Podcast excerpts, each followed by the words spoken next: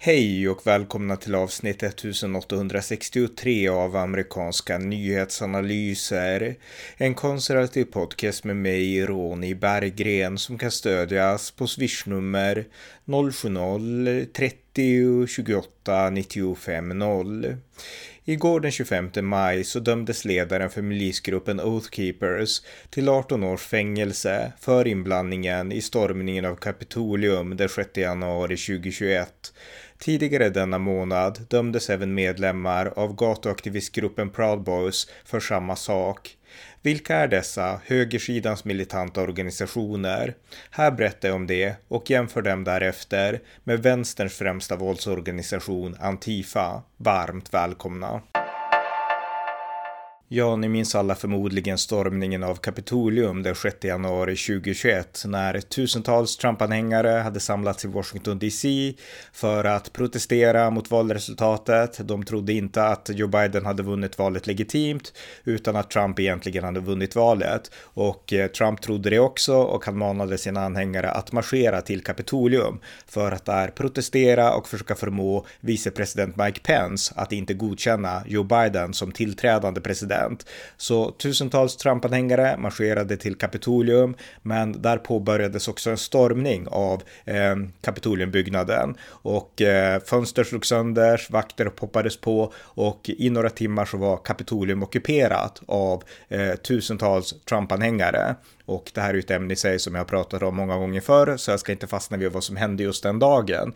Men i efterspelet av det här så har i synnerhet två organisationer på högerkanten hamnat i fokus för att de organisationerna hade dels våldspotential och dels, beroende på hur man ser på saken, intentionen att använda våld även på förhand inför 6 januari. Och de två grupperna är milisgruppen Oathkeepers och eh, gatuaktivistgruppen Proud Boys. Och eh, Eh, i efterspelet av stormningen av Kapitolium så hamnade många av deras medlemmar inför rättvisan. De åtalades för upplopp och för olika saker och nu två år senare under våren 2023 så har medlemmar i de här organisationerna dömts till fängelsestraff. Eh, I början av maj så dömdes eh, fyra personer i Proud Boys till fängelse, inklusive deras dåvarande ledare Enrique Tarrio.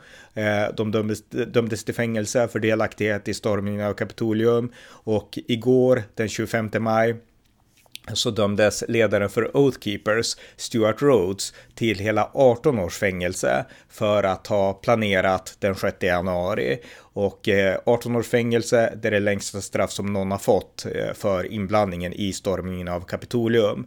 Så att jag tänkte i det här avsnittet berätta lite om de här grupperna, organisationerna på högerkanten som har våldspotential, eh, hur jag ser på dem och hur man måste Eh, hur man måste dra distinktioner mot andra grupper, hur man måste förstå dem och eh, eh, i synnerhet hur man måste förstå dem här i Sverige. Därför att här i Sverige så finns det en bild av att alla de här högergrupperna är galningar för att de har vapen. Det är oftast inte svårare än så. De har vapen och då kanske tror konstiga saker. Då kanske är emot aborter. De kanske tror att regeringen är ute efter dem. Alltså är de knäppjökar och alltså borde alla låsas in. Det är ungefär det. Alltså djupare än så går inte de svenska analyserna. Därför att alla som analyserar amerikansk politik i Sverige, inte jag, men de flesta, de är emot vapen. De förstår inte alls den här amerikanska kulturen och eh, de analyserar USA utifrån sitt svenska typ eh, vänsterliberala perspektiv. Alltså allt det här som vi svenskar är fostrade i, att tro att vapen är dåligt, dödsstraff är dåligt och vi i Sverige vi vet bäst om allt ungefär. Det är de glasögonen man har när man analyserar det som händer i USA och det gör att de här högergrupperna, i synnerhet de här som vill ha vapen, oavsett om det är mainstream-organisationer som NRA eller lite mer obsku obskyra organisationer som Outkeepers. Eh, de hamnar i samma fack och man tycker att de är konstiga bara för att de vill ha vapen och eh, eh, bara det i sig räcker för att avfärda dem, så, avfärda dem som knäppjökar. Och jag vill i den här podden gräva lite djupare och ge ett litet mer nyanserat perspektiv på de här grupperna utan att på minsta sätt förringa eller förneka problematiken som helt uppenbart finns också hos de här grupperna. Men mitt syfte är att ge er en mer nyanserad bild än vad som framkommer här i Sverige. För följer man bara det som händer i amerikansk politik och det som händer i liksom de här rörelserna i synnerhet ur det svenska perspektivet, då får man ingen koll och då får man bara de här stereotypa svenska nidbilderna. Så att ett djupare perspektiv tänkte jag ge på de här grupperna i det här avsnittet. Så att eh, nu kör vi igång. Ja, nu i vintras så gjorde jag ju en poddserie om den amerikanska revolutionen 1776, alltså året när Thomas Jefferson skrev den amerikanska självständighetsförklaringen från Storbritannien. Eh, det utkämpades ett frihetskrig mot britterna och eh, därefter så skrev amerikanerna en konstitution eh, 1787, eh, en konstitution som tillsammans med the Bill of Rights etablerade USA som en frihetens republik eller ett frihetens imperium som Thomas Jefferson sa. Och eh, frihet har varit grundstommen i det amerikanska nationsbygget sedan dess. Och eh, under 1800-talet när USA verkligen kom igång som en republik så var frihet det verkligen unika som präglade amerikanerna. Alla som besökte USA, oavsett om det var Alexis, Alexis de Tocqueville från Frankrike eller till och med svenskar som kom till Amerika, de insåg att det här är en frihetens republik. Amerikaner är mycket friare än folken här i Europa och eh, det här var någonting unikt i historien.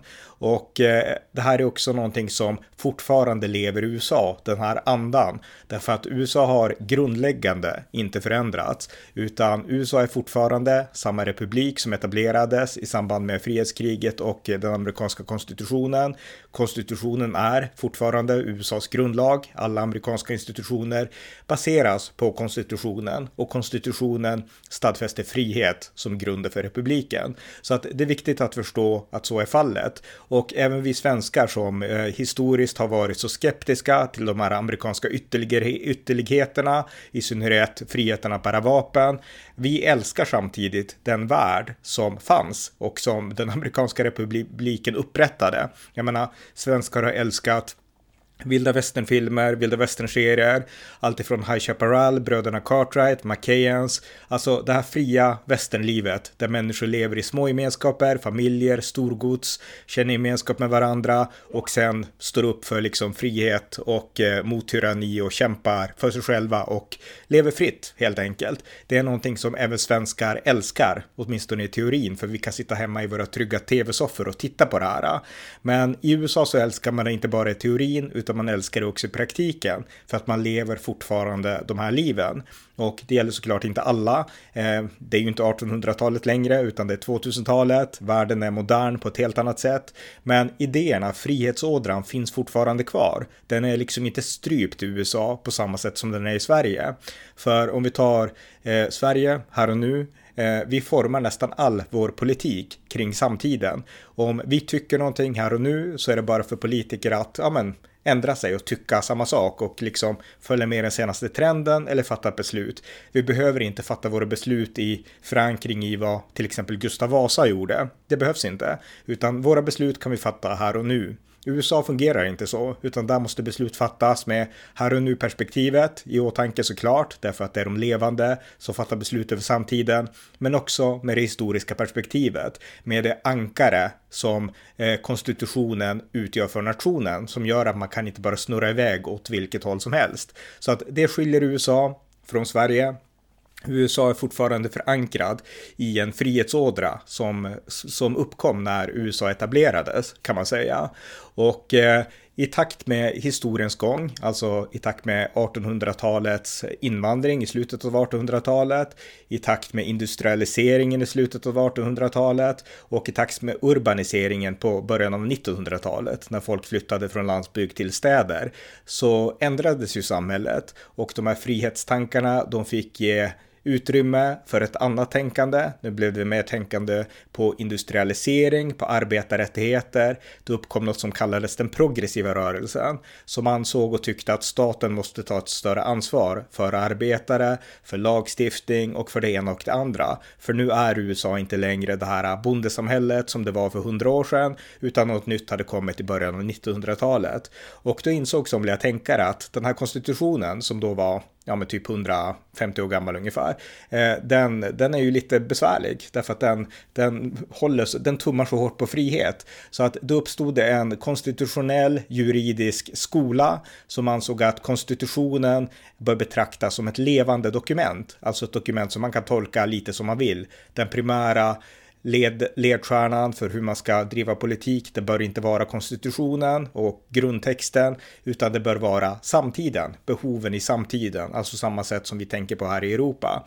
Så började man tänka i början av 1900-talet och det innebar att staten kunde växa på sätt som inte är föreskrivet i konstitutionen och eh, den här eh, växande staten märktes tydligast i samband med Franklin Delano Roosevelt och den stora depressionen på 30-talet när Roosevelt skapade mängder av regeringsprogram och införde lagar och skatter över hela nationen på ett sätt som konstitutionen i dess absolut orda eh, granna bemärkelse inte liksom ger utrymme för, men som man ändå kunde tolka in som, som legalt utifrån olika faktorer och ett nytt sätt att se på konstitutionen.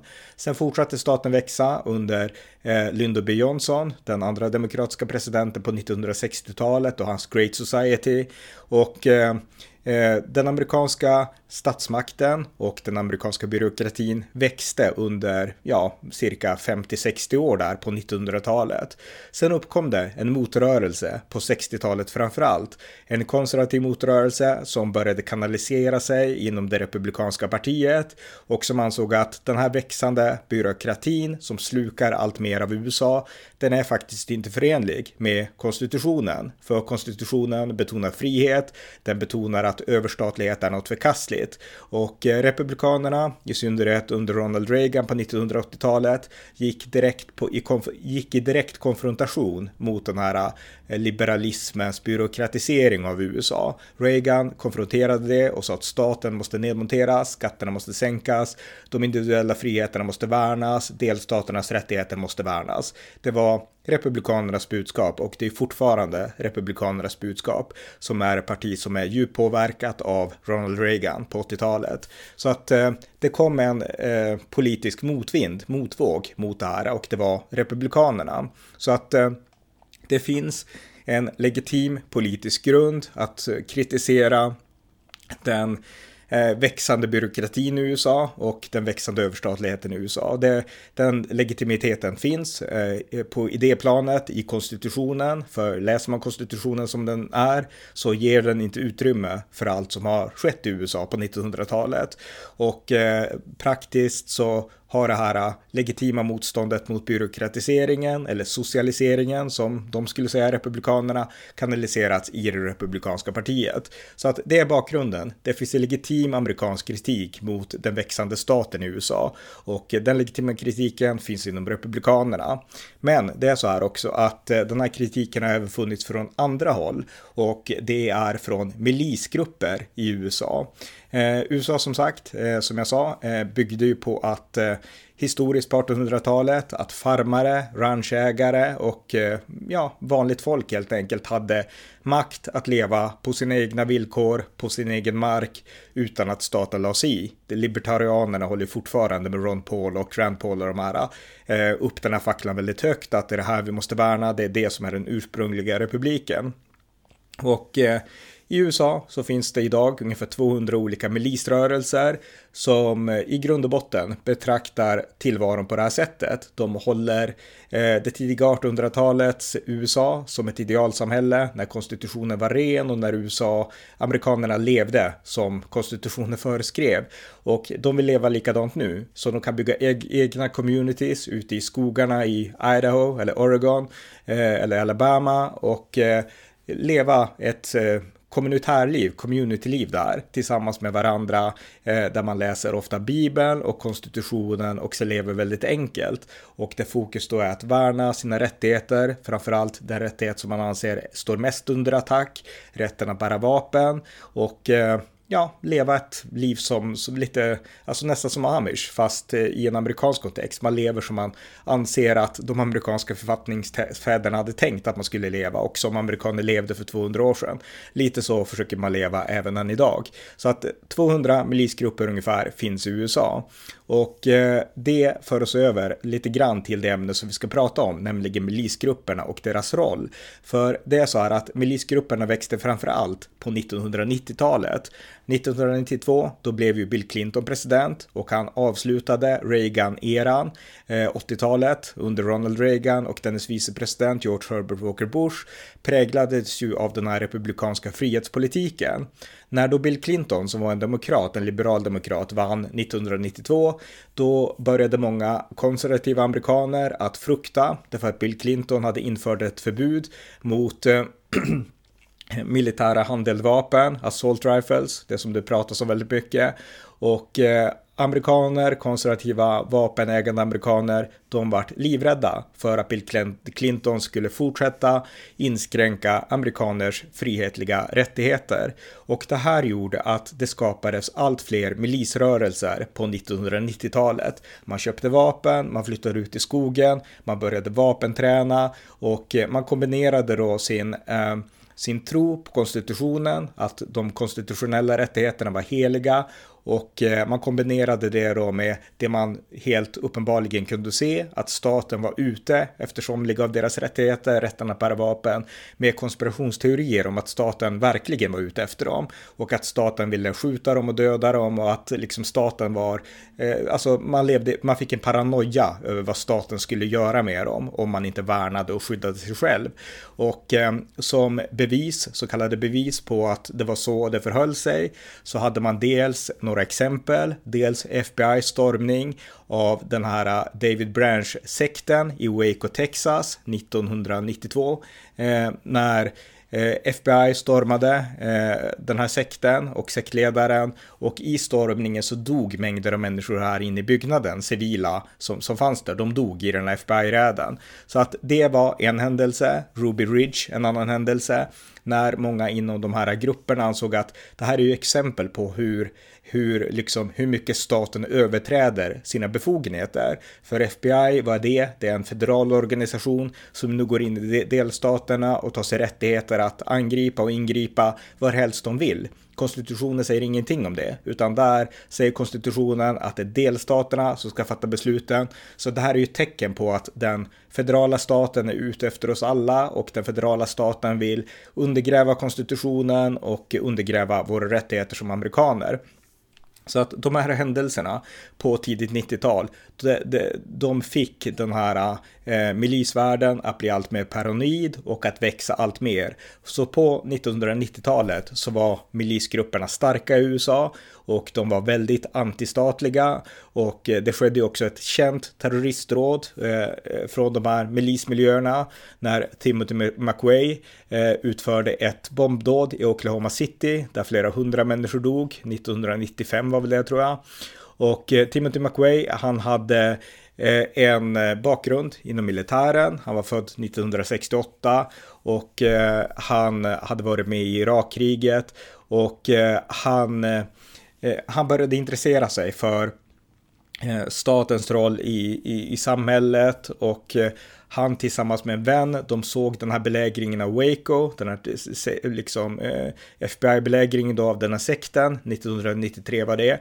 Eh, och eh, de började inse att det här är ju liksom staten är, är emot oss. Staten utgör ett hot mot de amerikanska rättigheterna och McQuay var redan inne på de här eh, ja, frihetsidéerna om rätten att bära vapen och sådana saker.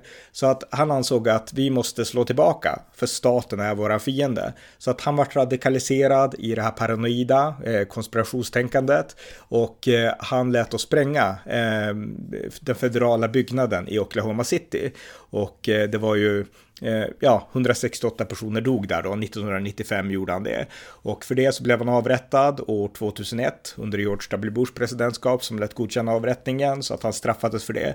Men han kom från de här milismiljöerna. Men det här fick ju också, för att det här går verkligen i cykler och det är det jag tycker att man inte riktigt kan förklara adekvat här i Sverige. Eh, McAway vart ju såklart ansiktet utåt eh, i vänsterliberalers ögon för alla milisgrupper. Alltså den vänsterliberala rörelsen i USA, den progressiva rörelsen som vill att USA ska socialiseras och bli mer lik kanske Sverige, eh, de anser ju att de här grupperna är terrorister bara för att grupperna förespråkar vapen. Alltså de har samma syn som vi har i Sverige på de här grupperna, de vänsterliberala i USA. Så att de ansåg att alla grupper som förespråkar vapen, som vill leva communityliv ute i skogen, de är de är inga ursprungsamerikaner utan de är terrorister. Så liksom betraktas de här grupperna. Så att man sammanklumpade och sammanblandade gärna alla grupper med Timothy McWay. Och det är det jag tycker har gjort att eh, Alltså det är det som har gått fel. För det fanns ju många eh, organisationer, Southern Poverty Law Center, eh, lite grann den amerikanska versionen av Expo, som hade en tendens att snabbt stämpla varenda grupp som extrem på något sätt och konstig. Och eh, det finns såklart konstigheter i de här grupperna, inget snack om den saken. De som söker sig till de här milisgrupperna, de är inte eh, 1800-talets eh, liksom ranchägare, de är inte liksom eh, bröderna Cartwrights, den här pappan där, vad hette han för någonting? Eh, utan eh, för, för dem på den tiden, på 1800-talet, då var ju godsägarna, ranchägarna, det var alltså i princip samhällseliten. De ägde stora gods, de ägde stora rancher, de förstod politik, de förstod samtiden och de levde i ett liv och en tillvaro där det var ranchen som var liksom det centrala och där överstatlighet var, det existerade i princip inte. Medan de som idag försöker liksom lajva de här miljöerna och ansluta sig till milisgrupper, det är ju inte liksom den amerikanska eliten. Det är inte Bill Gates, det är inte liksom Barack Obama, det är inte Donald Trump heller, utan det är ju liksom margin marginaliserade människor. Alltså människor oftast med problem eller som är fattiga eller som har liksom ett behov av någon form av ledare, som är socialt utsatta. Det är sådana som idag söker sig till sådana grupper. Så i praktiken så finns det stora skillnader såklart mellan milisgrupperna och de faktiska frihetsmiljöerna som eh, fanns på 1800-talet. Så att det är viktigt att förstå det också. Men det betyder ändå inte att man kan sammanblanda de här milisgrupperna med Timothy McWay och avskriva alla som terrorister. Men den tendensen har funnits och eh, det är det jag tycker är lite synd. För de här rörelserna, de har växt. De växer framförallt när det är liberala presidenter. Under 1990-talet så växte de omfattande och det här var ju ett tämligen fredligt årtionde. Kommunismen var borta och eh, al-Qaida hade ännu inte gjort sin stora terroristattack. Så på 1990-talet så var FBI fokuserat i mångt och mycket på de här milisrörelserna, i synnerhet då efter Timothy McWays terroristdåd. Och eh, man ansåg att det här är det stora hotet mot USA. Eh, och eh, det fanns hotbilder utan tvekan. Timothy McWay är det klockrena exemplet på det. Funnits andra hotbilder också. Men de här rörelserna generellt, de har ju inte liksom associerat sig med Timothy McQuay. De har inte de här, eh, de har inga al-Qaida-manifest om att döda de som inte tror på konstitutionen. Det har de inte, utan de här vill mest leva sina egna liv i lugn och ro. Sen är de också paranoida och eh, det kan ibland resultera i sådana som Timothy McQuay. Men det är liksom inte al-Qaida vi pratar om här, det är viktigt att förstå det. Så att eh, de här rörelserna växte på 90-talet som en konsekvens och som en reaktion mot Bill Clintons presidentskap framför allt. Eh, år 2000 så blev ju republikanen George W. Bush president. Och även om många ansåg att han var inte alls, för de här milismiljöerna, de nöjer sig inte med republikanerna, för republikanerna bor inte i skogen. Och även om många republikaner gillar vapen så ja, gillar de också det moderna livet liksom. Så att milisrörelsen har gått steget längre. Men, men, men det fanns ändå fördelar med George W. Bush, för Bill Clintons förbud mot militära handeldvapen, assault rifle weapons, det upphävde George W. Bush, så att nu fick man köpa sådana vapen igen. Och eh, friheten, alltså att man inte inskränker på de här organisationernas rättigheter. Det upprätthöll Bush också. Så att under 2000-talet så var det relativt lugnt i de här kretsarna därför att de fick leva sina liv lite mer som de ville och Bush var ju mycket mer fokuserad då på al-Qaida efter al-Qaidas terroristattack den 11 september 2001. Så att under 2000-talet så var det inte jättemycket fokus på de amerikanska högermilisrörelserna utan man fokuserade mest på al-Qaida och islamisk terrorism och eh, det av förståeliga orsaker. Men sen förändrades det här, därför att 2008 så vann eh, demokraten Barack Obama presidentvalet och då började det eh, vakna en ny rörelse till liv i de här högermilisrörelserna. För nu kom Barack Obama till makten och man var rädd att han skulle, precis som Bill Clinton, försöka inskränka amerikaners rätt att bära vapen, att han skulle slå ner på milisorganisationer och liknande. Och eh, i viss mån så fick man rätt. Och eh, jag ska nu berätta lite mer om milisrörelserna på 2010-talet som bakgrund till eh, den 6 januari. Ja, som jag sa tidigare så finns det omkring 200 milisrörelser i USA och jag tänkte strikt avgränsa mig till dem och främst den organisation som hade störst inflytande på stormningen av Kapitolium den 6 januari 2021. Och det är organisationen Oath Keepers eh, som grundades 2009 av en man som heter Stuart Rhodes och det var han som dömdes då igår den 25 maj till 18 års fängelse för planering av upploppen i Kapitolium. Och eh, Stuart Rhodes, han grundade då, Oath Keepers, eh, efter att han 2005 hade insett och betraktat hur regeringen agerade efter orkanen Katrina där i Louisiana. Och eh, han ansåg då att eh, den federala regeringen lägger sig allt för mycket och eh, den federala regeringen, eh, ja, de tar sig rättigheter som inte konstitutionen ger, ansåg eh, Stuart Rhodes. Och eh, 2009, några år senare då, så grundade han Oath Keepers och det var ungefär parallellt med att Barack Obama fick makten och det pratades, som det alltid gör när liberala politiker får makten, om att inskränka, va inskränka vapenrättigheter. Så att eh, Stuart Rhodes eh, grundade Oath Keepers vars syfte var att värna konstitutionen, att ehm, stå upp för rätten att styra sig själv och att vägra gå med på eh, ja, överstatlighet och sådana saker. Alltså en rebellrörelse i USA som skulle vara beredd att använda vapen men som inte skulle använda vapen egentligen om det inte verkligen behövdes. Så att någonstans är det gränslandet, precis som milisrörelserna brukar vara. Det var vad eh, Oath Keepers handlade om. Och eh, Oathkeepers, de eh, byggde också upp en stark disciplin och stark, liksom, en miljö där det odlades en, en stark machokultur kan man säga då. Och eh, Stuart Road själv, han hade en bakgrund som var i viss mån ganska strulig. Och eh, många som har lämnat Oathkeepers, eller några stycken i alla fall, de menar att han, han hade och har en väldigt stark personlighet, han har en insugande personlighet. Och han lockar till sig exempelvis krigsveteraner som inte har fått hjälp, som kanske hade behövt hjälp men inte fått hjälp av staten. Sådana drar han till sig så att på så vis så får han militär expertis till Oathkeepers. Och eh, han drar till sig andra marginaliserade intresserade och, och liknande. Och eh, han har en stark personlighet och det är det som gör att han har kunnat binda samman den här organisationen som har olika lokala avdelningar runt om i USA.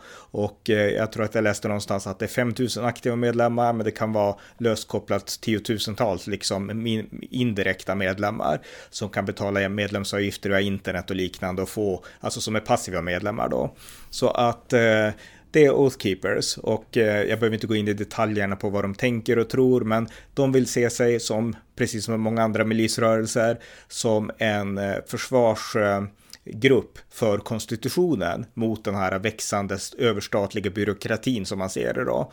Och eh, de har av eh, Southern Poverty Law Center eh, stämplat som högerextremister. Jag vet inte om jag skulle säga det, för de är inte nazister, de är inte rasister, även om de har pratat, alltså vissa använder ju olika rasistiska nedsättande termer ibland och så, men det finns inte den här liksom rasideologin som det kanske finns inom, eh, ja, som har funnits tidigare i historien inom andra olika milisrörelser. Då. Eh, det finns inte, utan det här är en organisation som primärt ser staten som en fiende, som lever i den här paranoida världen av att konstitutionen är hotad, deras rättigheter som amerikaner är hotad. Så att det är liksom den världen man, man befinner sig i, det spektrat. Och eh, eh de har vapentränat utan tvekan och de har dykt upp på olika eh, Eh, komster där man sett att de behövt finnas. Det var bland annat en eh, ranchägare som hette, hette Cliven, eller heter Cliven Bundy som eh, har sin ranch i Nevada och 2014 då när Obama var president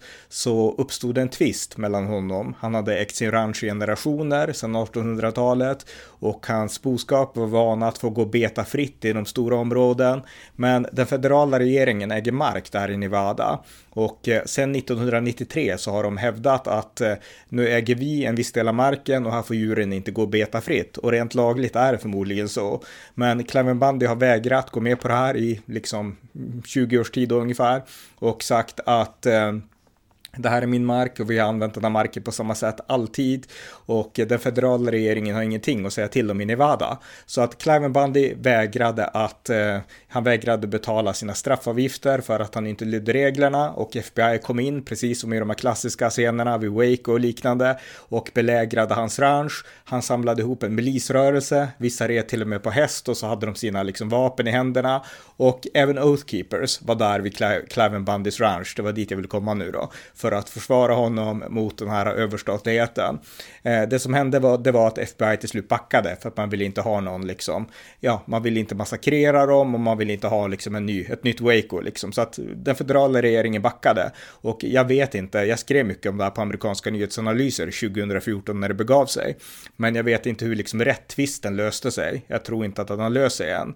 Men federala myndigheter gjorde allt för att sätta dit Cliven Bundy och man åtalade honom för olika saker saker och han fick ägna, han är ju typ 76 år gammal nu eller någonting. Han fick ägna två, tre år åt att kämpa mot rättsväsendet och sen så var det en domare som till slut lät lägga ner eh, åtalet mot honom av den enkla anledningen att domaren ansåg att FBI hade eh, undanhållit eh, material och information från försvarssidan och att det de hade för att på något sätt sätta dit Cliven Bundy, det var svaga bevismaterial. Alltså det fanns ingenting. De försökte bara nita honom som hämnd för att han motsatte sig deras direktiv. Och sådana saker bekräftar såklart den världsbild som finns inom de här rörelserna, att staten är ute efter dem och att staten är ute efter att eh, smula sönder konstitutionen och deras konstitutionella rättigheter. Sen att världen har gått vidare och att det säkert finns liksom något slags fog som är helt legalt, att den federala regeringen kan äga mark i Nevada, det bryr sig liksom sådana här som Cliven Bundy inte om.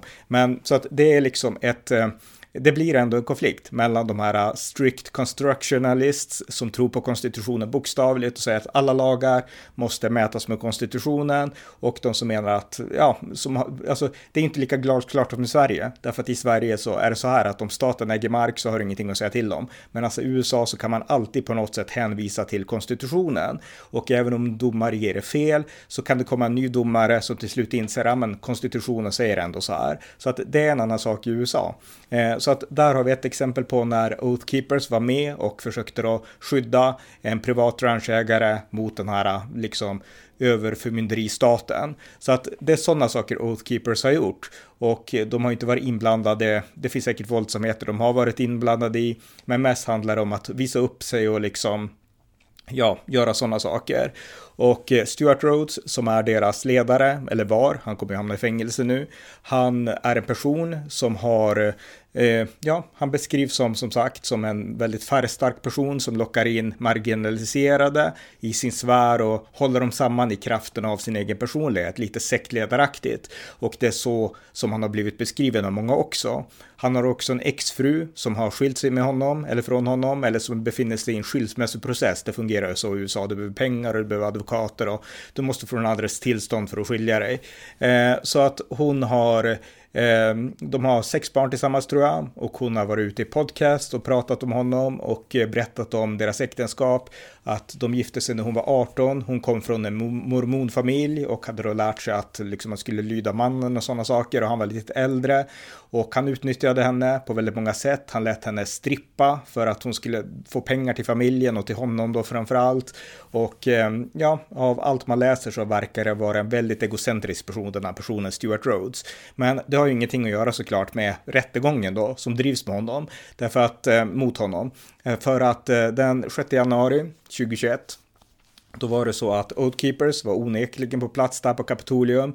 De hade sina liksom walkie-talkies, de hade sina, eh, den utrustning de kunde ta in. Alltså Washington DC har ju strikta förbud mot vapen så att man hade ju inte skjutvapen och sånt. Men däremot så fanns sånt i Virginia om jag minns rätt nu. Och eh, Stuart Road själv, han befann sig också i, om det var Maryland eller Virginia, jag vet inte.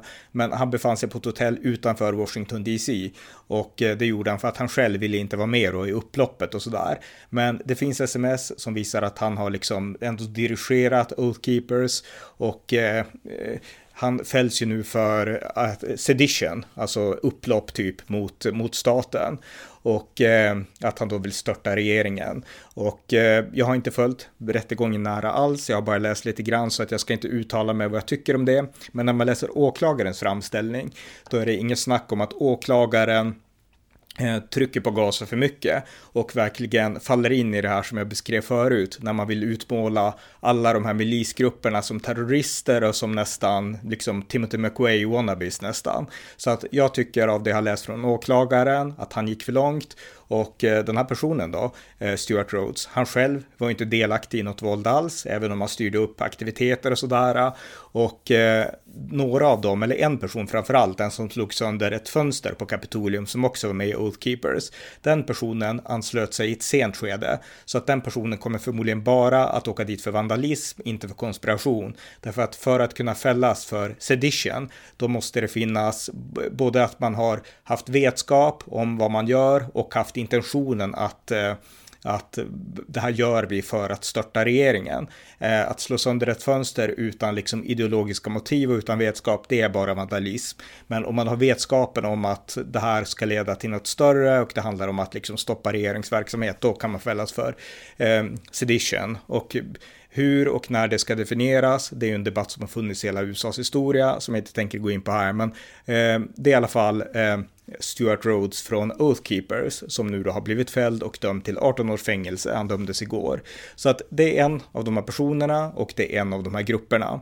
Eh, en annan grupp som det också pratas mycket om, det är gruppen Proud Boys. Eh, Proud Boys, de grundades 2000 Eh, 16 av en eh, man som heter Gavin McInnes som bland annat var en av de som grundade Wise Media, Wise News och de här som ni säkert känner till från YouTube. Och namnet hade han fått från en sång som heter Proud of your boys och eh, den sången kom från Disneys musikal Aladdin. Och eh, Proud Boys, de växte fram där 2016 när det var mycket prat om alt-right och liknande.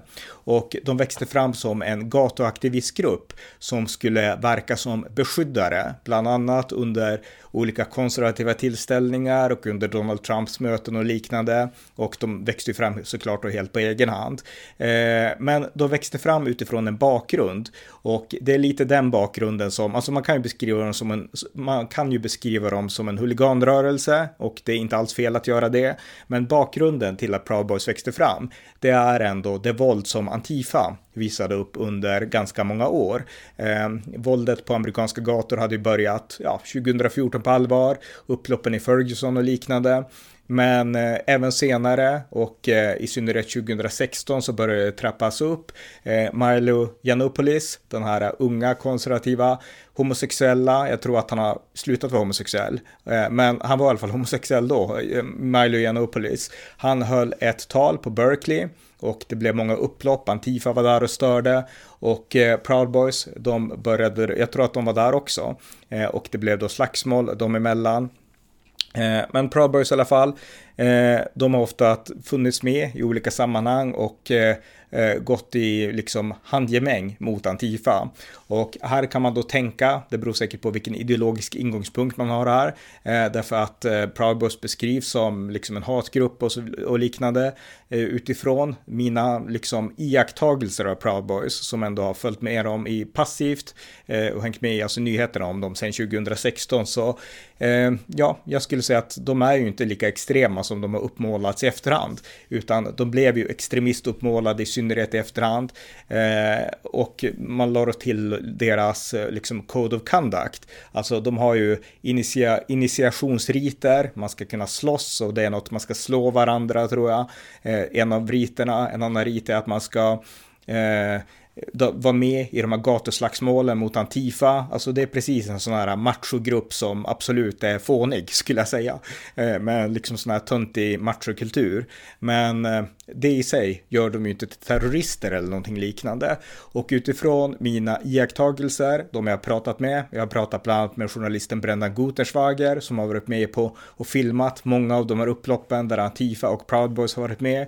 Och han förklarar det för mig skillnaden eh, mellan Proud Boys och exempelvis Antifa. Och båda slåss, båda kan liksom misshandla varandra. Men skillnaden är att Antifa kan också hoppa på civilister. Det gör i princip aldrig Proud Boys. Utan de är där för att slåss mot Antifa. De vill vara liksom eh, försvarsgardet mot Antifa, medan Antifa har gång på gång gett sig på civila, till exempel när Trump hade kampanjmöten 2016, då kunde Antifa vänta utanför eh, de här arenorna där Trump höll till. Och sen när då Trump-anhängarna kom ut och alla som vet något om Trump-anhängare vet att det är oftast gamla pensionärer som viftar med amerikanska flaggor och som är jättesnälla. De blev påhoppade av Antifa, misshandlade, trots att de var äldre och helt oskyldiga och bara egentligen var anhängare, vanliga civila anhängare av en politisk kandidat. Men Antifa misshandlade dem och eh, exemplen på sådana saker är många. Eh, och ABC News har rapporterat om det här och det är liksom inga hemliga kunskaper där, utan de flesta vet hur Antifa har betett sig mot vanliga civila. Och eh, det är skillnaden mellan Antifa och Proud Boys. De kan slåss mot, med varandra, de kan misshandla varandra, men Antifa ger sig också på civila, medan Proud Boys vill snarare skydda civila och upprätthålla ordningen. Det är min syn på Proud Boys. Och det betyder inte att Proud Boys är bra eller att de inte är huliganer eller liknande. Men jag skulle säga, och det är det jag tycker man missar här i Sverige, att av de här rörelserna så ligger Antifa mycket närmare en slags eh, eh, ja, inte terroriströrelse kanske, beroende på hur man ser det som, men en terrorrörelse där man då bedriver terror mot en ah, oskyldig allmänhet som man betraktar som skyldiga bara för att de har vissa politiska åsikter. Så att eh, jag skulle säga att det är skillnaden mellan eh, de här och, eh, och eh, eh, ja, och Proud Boys då, mellan Antifa och Proud Boys. Eh, efter ett tag så byttes ledarskap och Proud Boys fick en ny ledare som hade latinskt påbrå och eh, det var då Enrique Tarrio, eh, han som hade, han som nu har dömts till fängelse också. Jag tror inte Eh, tidsbestämmelsen är klar än, men han har dömts till fängelse då för upploppen vid stormningen av Kapitolium. Och han var inte heller på plats ska sägas, utan han höll sig också därifrån. Men han fälls då för sedition för att han har liksom fått ändå sina Proud Boys att gå dit och, och eh, storma Kapitolium. Så att eh, såväl han som ledaren för Old Keepers, ingen av dem var på plats där vi i Washington DC, men de, de fälls i alla fall. Så att där har ni Proud Boys och eh, lite grann skillnaden mot mot Antifa. Och jag tycker att det är viktigt att betona därför att eh, Antifa är ju en våldsorganisation som eh, den svenska motsvarigheten är AFA, eh, antifascistisk aktion och eh, de har bedrivit våld mot politiskt oliktänkande på ett sätt som den här högerrörelsen i USA inte har gjort på det sättet. Sen har vi de här riktigt högerextrema som också finns, alltså nynazisterna och liknande. Och FBI har gjort eh, analyser av hotbilderna mot USA och nu på senare tid har högerextremism, alltså nynazism och lone wolf terroristdåd eh, hamnat högt upp på varningsradarn och eh, sådana rörelser finns och vill man så kan man ju säga då att nynazismen kommer från höger, att de hatar vänstern och sådär och det är väl sant. Eh, och de hotbilderna finns, men det är sådana här grupper som man måste separera skulle jag säga från sådana grupper som Oath Keepers. Och det är just den här sammanblandningen jag tycker är farlig, därför att om man Oathkeepers ändå har någon slags lojalitet mot konstitutionen och liksom har den här paranoida världen som finns, så är nynazisterna liksom, de är ju drivna av en nazistisk ideologi. De är liksom genuina rasister på ett annat sätt och drivs av hat och så på ett annat sätt. Eh, Medan Oathkeepers, de kan snurra iväg och det kan gå fel som det blev den 6 januari och eh, de kan fastna i sitt paranoida tänkande. Men det är inte det här aktiva att nu ska vi ut och skjuta liksom och döda våra fiender på det sättet. Eh, även om eh, alltså, det fanns sms och sånt här nu i samband med 6 januari som var väldigt otrevliga och så. Men man måste ändå göra distinktionerna och det är det jag tycker är viktigt. Eh, Antifa har stått för allvarligt våld mot konservativa. 2020 så mördades en Trump-anhängare på ett rally i Portland i Oregon av en Antifa-aktivist och eh, eh, en Antifa-aktivist i New York dömdes i november förra året till 20 års fängelse tror jag att det var, för att ha försökt mörda två Proud Boys i New York några år tidigare. Så att Antifa har gång på gång uppvisat det här brutala våldet och Antifa klär sig i svarta masker, och eh, agerar ofta anonymt på ett sätt som Proud Boys inte gör. Och eh, det finns en bra eh, författare som heter Andy New, jag har nämnt honom tidigare, som har skrivit en bok som heter Unmasked, som handlar då om vad han själv har betraktat i USA av Antifas verksamheter, alltså deras våldsverkan och deras terror och deras eh, ja, vandalism av olika amerikanska städer och stadsdelar. Så att det är en bok jag rekommenderar, Unmasked by, eh, av Andy New. Så att eh, det var Antifa kontra Proud Boys och eh, Oathkeepers då. Eh, så att eh, det kan vara bra att veta just de här sakerna. Och eh, vad mer ska jag då säga? Nu har straffen getts till de här eh, personerna i de här högerrörelserna, eh, till eh, Stuart Rhodes och till Enrico Tarrio, Tarrio, som vi får se hur långt fängelsestraff han får. Och eh, ja, vad det här Mm, liksom rättfärdiga straff eller skulle de ha varit mildare eller skulle de varit hårdare? Det beror på vem man frågar. Och Donald Trump, han fick ju en fråga på, eh, ja på tal om Donald Trump förresten, vi ska också påminna om att på debatten som Trump hade mot Joe Biden där hösten i presidentvalet 2020, då nämnde ju Donald Trump också faran med Antifa. Och sen sa han också att Proud Boys, om ni hör det här så stå redo, var redo ungefär, jag kan behöva er. Lite så sa han. Och sen så sa han att men jag vet inte riktigt vilka det är, men det han ville betona det var ju faran med Antifa då. Men det gjorde också att Proud Boys gjorde att de kände, i synnerhet nu under rättegångarna så har de betonat att vi kände att Trump kallade på oss, det var Trump som ville ha oss där ungefär. Och det är många som har varit inblandade och blivit åtalade efter Eh, 6 januari 2021 som har sagt det att liksom Trump ville ju att vi skulle dit ungefär, så man har försökt lägga ansvarsbördan på Trump och, eh, och så. Eh, så. Så även Proud Boys ska sägas och Trump han, han gjorde ju det också i debatten. Han sa liksom Proud Boys if you hear this och så vidare. Så att det ska sägas. Men hur som helst, så här i efterhand så har det ju uppstått krav från många konservativa eh, om att många borde benådas och att justitiedepartementet har gått för hårt fram mot de som var delaktiga i den 6 januari och att de blir åtalade för sedition när de egentligen bara eh, ja, vandaliserade och knappt egentligen visste vad som hände. Det är liksom försvarssidans syn.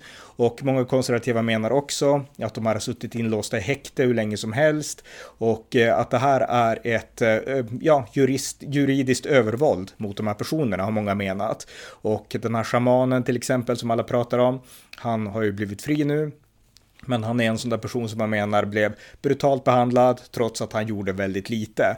Och jag delar personligen inte den syn som Tucker Carlson och andra har fört fram att det här skulle vara en fredlig person helt och hållet. Men däremot så, eh, det är ingen snack om att eh, USA i många avseenden, i synnerhet när liberaler styr, eh, blir aktivistiska och går, och, och går hårdare fram mot konservativa. Det kunde vi se under Barack Obama och det har vi kunnat se under, ja, i viss mån också nu under Joe Biden. Så att eh, jag delar den synen, den kritiken mot att när liberaler styr så kan institutionen också bli övernitiska och aktivistiska, inte alltid men i viss mån och ibland. Så att eh, det finns fog, anser jag, att kanske granska somliga av de här fallen, förtjänar de att benådas eller få sina straff sänkta. Ehm, så att eh, det här är ju någonting om Trump vinner som han kommer att ta i övervägande och granska fall till fall. Och det var den frågan som Trump fick på det här townhall-mötet häromveckan med CNN. Där Trump då sa att ja, men jag ska titta på de här som har blivit dömda för inblandning om jag blir president i den 6 januari. Och eh, ja, vi får se från fall till fall. Och eh, där var ju Trump öppen både för att benåda men också för att inte benåda de som faktiskt har begått våld. Så att det Trump säger sig vill komma åt det är över eh, aktivismen inom rättsväsendet. Det är liksom inte att han vill frige dem som faktiskt brukade våld och eh, som förstörde saker.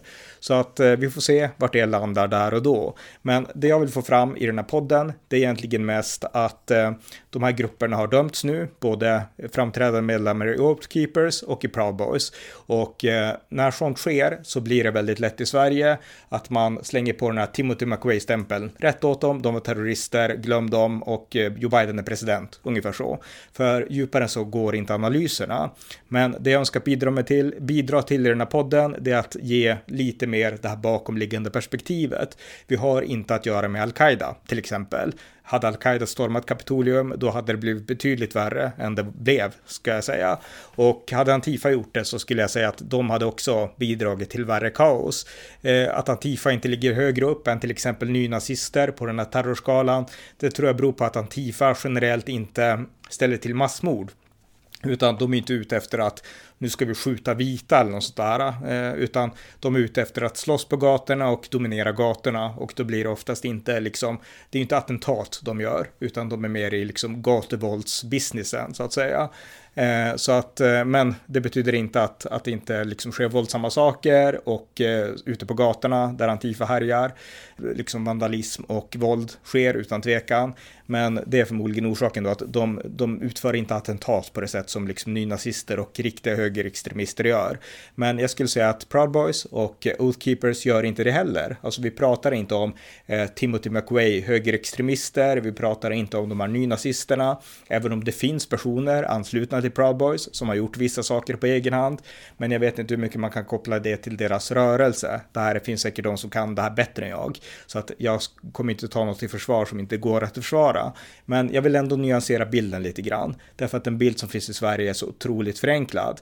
Och eh, det fanns också en svensk expert på SVT som pratade på SVT 2021. Hon hette Molly Saltskog och hon sa så här då på SVT Aktuellt.